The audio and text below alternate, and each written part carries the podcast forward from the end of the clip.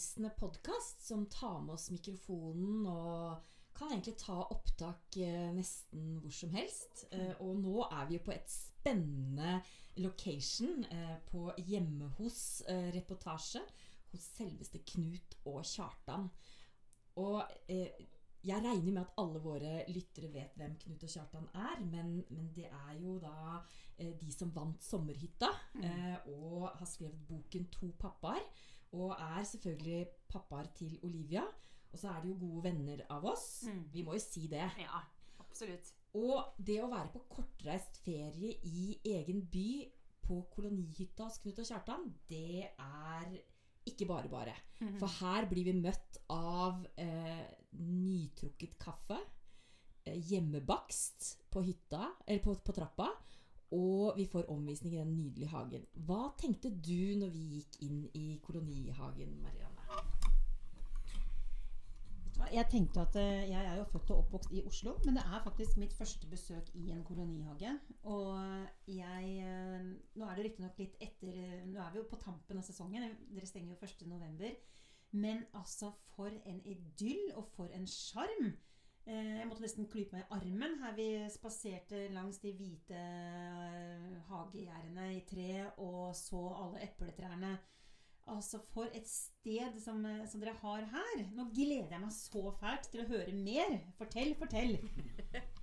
Velkommen til oss. Takk. takk. Velkommen. Velkommen. Eh, kolonihagene er jo en 100 år gammel tradisjon her i Norge. Og vi finner den rundt, eh, kolonihagene finner vi rundt om i mange norske storbyer. Eh, vi finner det i Oslo, selvfølgelig. Her har vi ni stykker. Eh, Kristiansand, Stavanger, Trondheim, Sarpsborg, Tønsberg, Drammen, Sandefjord og kanskje enda flere. Sogn kolonihage den fyller 100 år neste år. Ja. Og det er jo en grønn oase midt i byen. For vi befinner oss midt i Ullevål hageby med Ring 3 på ene siden. Vi har Domus Atletica på andre siden. Ullevål stadion på tredje siden. Og midt blant der så har vi den grønne oasen med kilometervis med hvite stakittgjerder, tusenvis av epletrær, uh, bringebærhekker og ikke minst pionhekker. Ja. Og kolonihagene ble bygget i sin tid for at det skulle bedre oppvekstvilkår for barn barn og øke livskvaliteten til voksne. Og det var jo i begynnelsen bare små parseller de hadde, hvor de kunne dyrke egne grønnsaker og ha en redskapsbod. Og etter hvert fikk de lov til å sette opp små hytter de kunne overnatte i.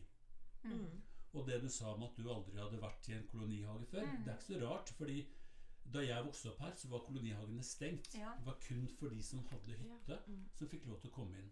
Eh, alle porter og, og var stengt og låst. Mens nå er jo alle kolonihagene åpne offentlige parker å beregne. Så vi ønsker at så mange som mulig kommer inn og besøker oss, går turer, lufter hunden, lar seg inspirere, slår av en snakk over gjerdet når du kommer, og bruk kolonihagen som en park. Det er viktig. Ja. Uh, som jeg sa, det var jo Det ble bygget for at det skulle mm, bedre oppvekst, oppvekstvilkår og livskvalitet. Og det må jeg si at gjelder spesielt min familie. Fordi året før vi fikk kjøpt en kolonihage, så døde søsteren min. Og det gjør jo veldig mye med en familie, med sorg, eh, tristhet, minner, um, mørk, ikke minst. Og vi bodde jo i en blokkleilighet, og gardiner var trukket for, og det var liksom veldig Ja, man kunne liksom skjære i sorgen, da. Så når vi da året etter fikk muligheten til å få kjøpe en kolonihage og komme oss ut og være ute halve året. Ja. eh, Spesielt for moren min var det veldig viktig, tror jeg. Å drive ute og grave jorda, luke, klippe plen, holde på med blomster og frukt. Det, var, det var liksom en sånn Den beste um, Terapi. terapi som hun kunne få, eller hele familien kunne få. da. Så det tror jeg det er absolutt viktig for vært viktig for vår familie. Og det håper jeg, regner med at det også er viktig for alle andre familier som er her. Det å komme seg hit. Og så gikk det mange år. Jeg ble voksen, og kolonihagen ble mindre brukt av meg, men foreldrene mine brukte den fortsatt.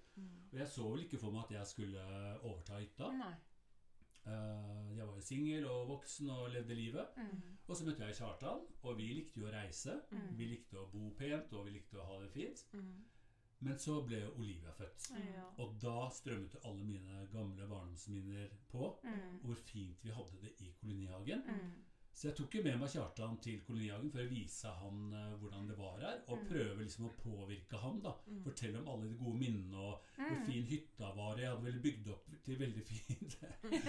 Men jeg tror kanskje ikke at oppfatningen til Kjartan ble helt som forventa fra min side. da, For for meg så er det så mye, mye Klart. fine minner her. Eller hva sier du, Kjartan? Jo, jeg tror du har rett i det. Det var liksom vanskelig å Det som er vanskelig, er at eh, det er et sted som er litt for fallent fordi det ikke har blitt brukt uh, lenger. Mm. Og så er det også uh, Familien din har vært veldig flink til å ta vare på de minnene. Mm. Uh, familien min er ikke så gode på det. De er glad i å kaste ting. Det var pent jeg- sagt. Ja.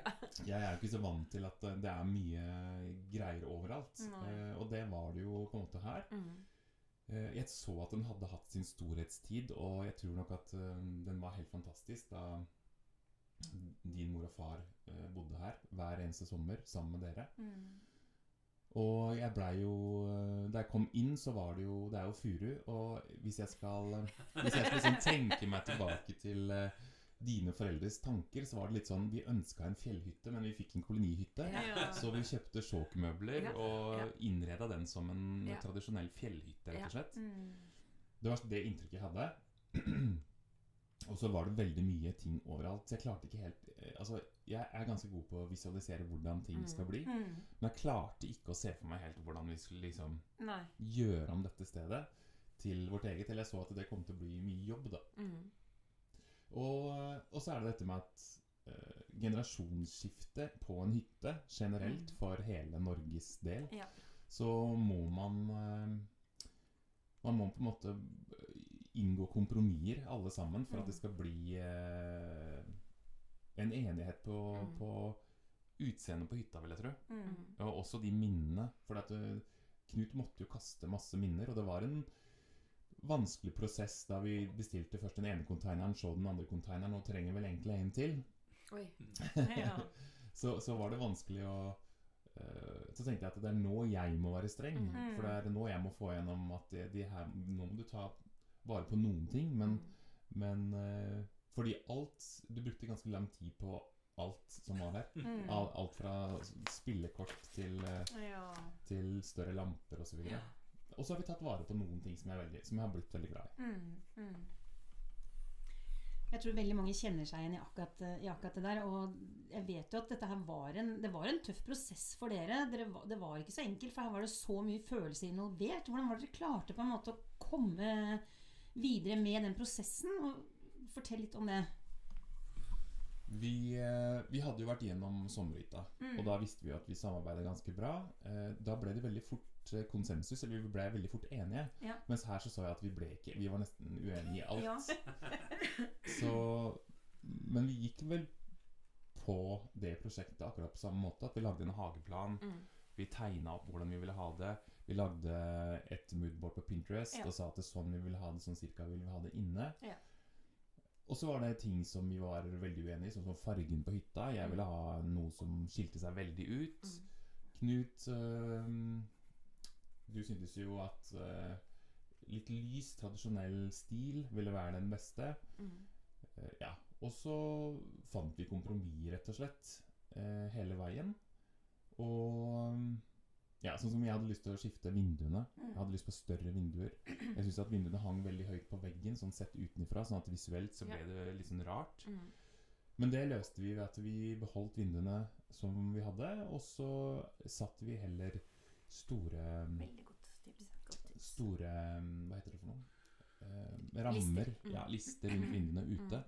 Som var i en kontrastfarge til Mm. veggen. Mm. Slik at de virker mye større, da. Jeg er litt sånn nysgjerrig egentlig på eh, prosessen i forhold til hyttene i kolonihagen. Er det restriksjoner på hva dere kan gjøre, eller er det liksom fritt frem når man arver en hytte som det her, at da kan du Det er jo også en, et dilemma sikkert mange av våre lyttere har. Ikke sant? Når man arver noe. Mm. En ting er at man skal ta hensyn til generasjonene, men, men hva med omgivelsene? Er det liksom regler? Det er veldig mye regler i kolonihagene. Både utvendig, hva man kan gjøre utvendig, og, men innvendig er det ikke så mye regler. Nei, nei. Så lenge man beholder har maks 30 kvadrat, som man har lov til. Okay. Mm. Og, så kan man gjøre som man vil inne, men skal man forandre vinduer og sånne ting, så må man søke. Mm. Eh, Bygger man platting ute, må man søke. Det er maks antall kvadratmeter man har lov til. Mm. Man kan sette opp et lysthus og en redskapsbod. Mm.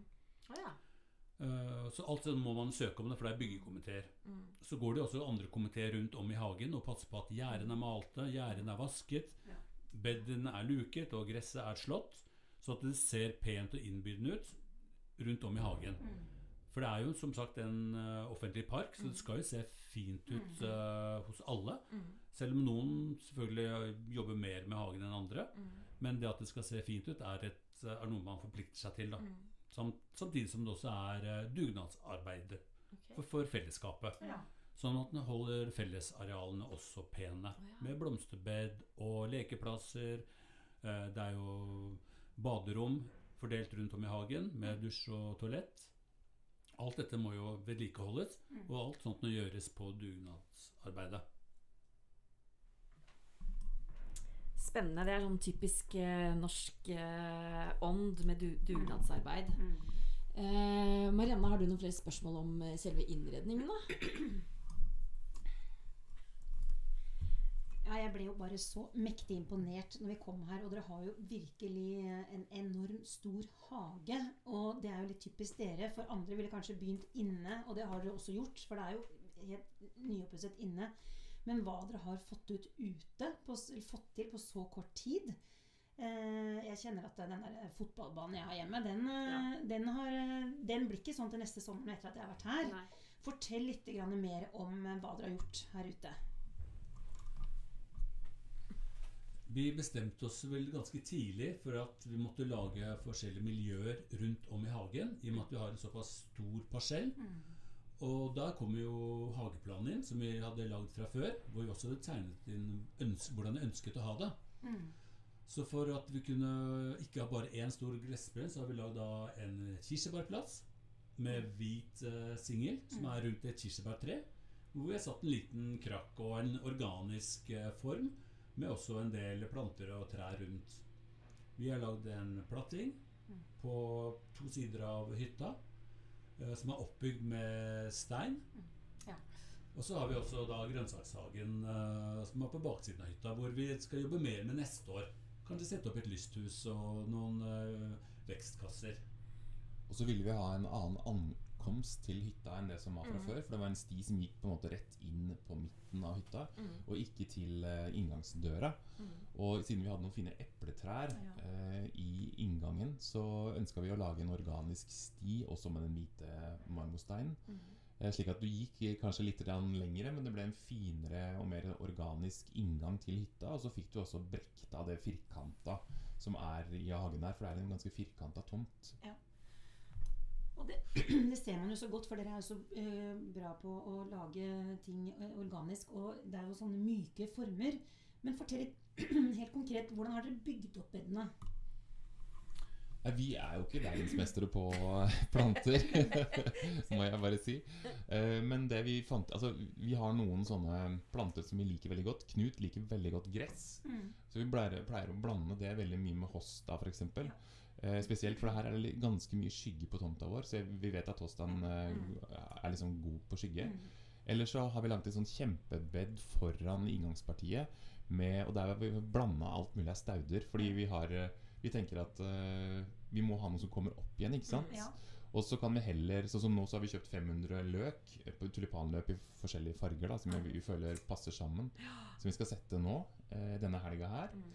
Eh, så de putter vi innimellom. Sånn at du får en sånn fin velkomst inn. Og det, jeg må jo si at uh, all den inspirasjonen vi har fått til hagen, det er jo i, de andre hagene her. Ja. For folk er jo enormt flinke på hage. Og mye flinkere enn oss. Eh, Vi fikk jo en eh, omvisning rundt i hagen før vi satte oss ned eh, og snakket. Og eh, da fortalte jo du, Knut, om gjenbruk av materialer fra dine foreldre. Kan ikke du eh, si det også til lytterne våre? For det syns jeg var så fint, eh, det du fortalte om potetåkeren og, og gjenbruk. Vi har jo som sagt en ganske stor tomt. Og som Kjartan sa, så hadde jeg en familie, og spesielt en far, som var flink til å ta vare på ting.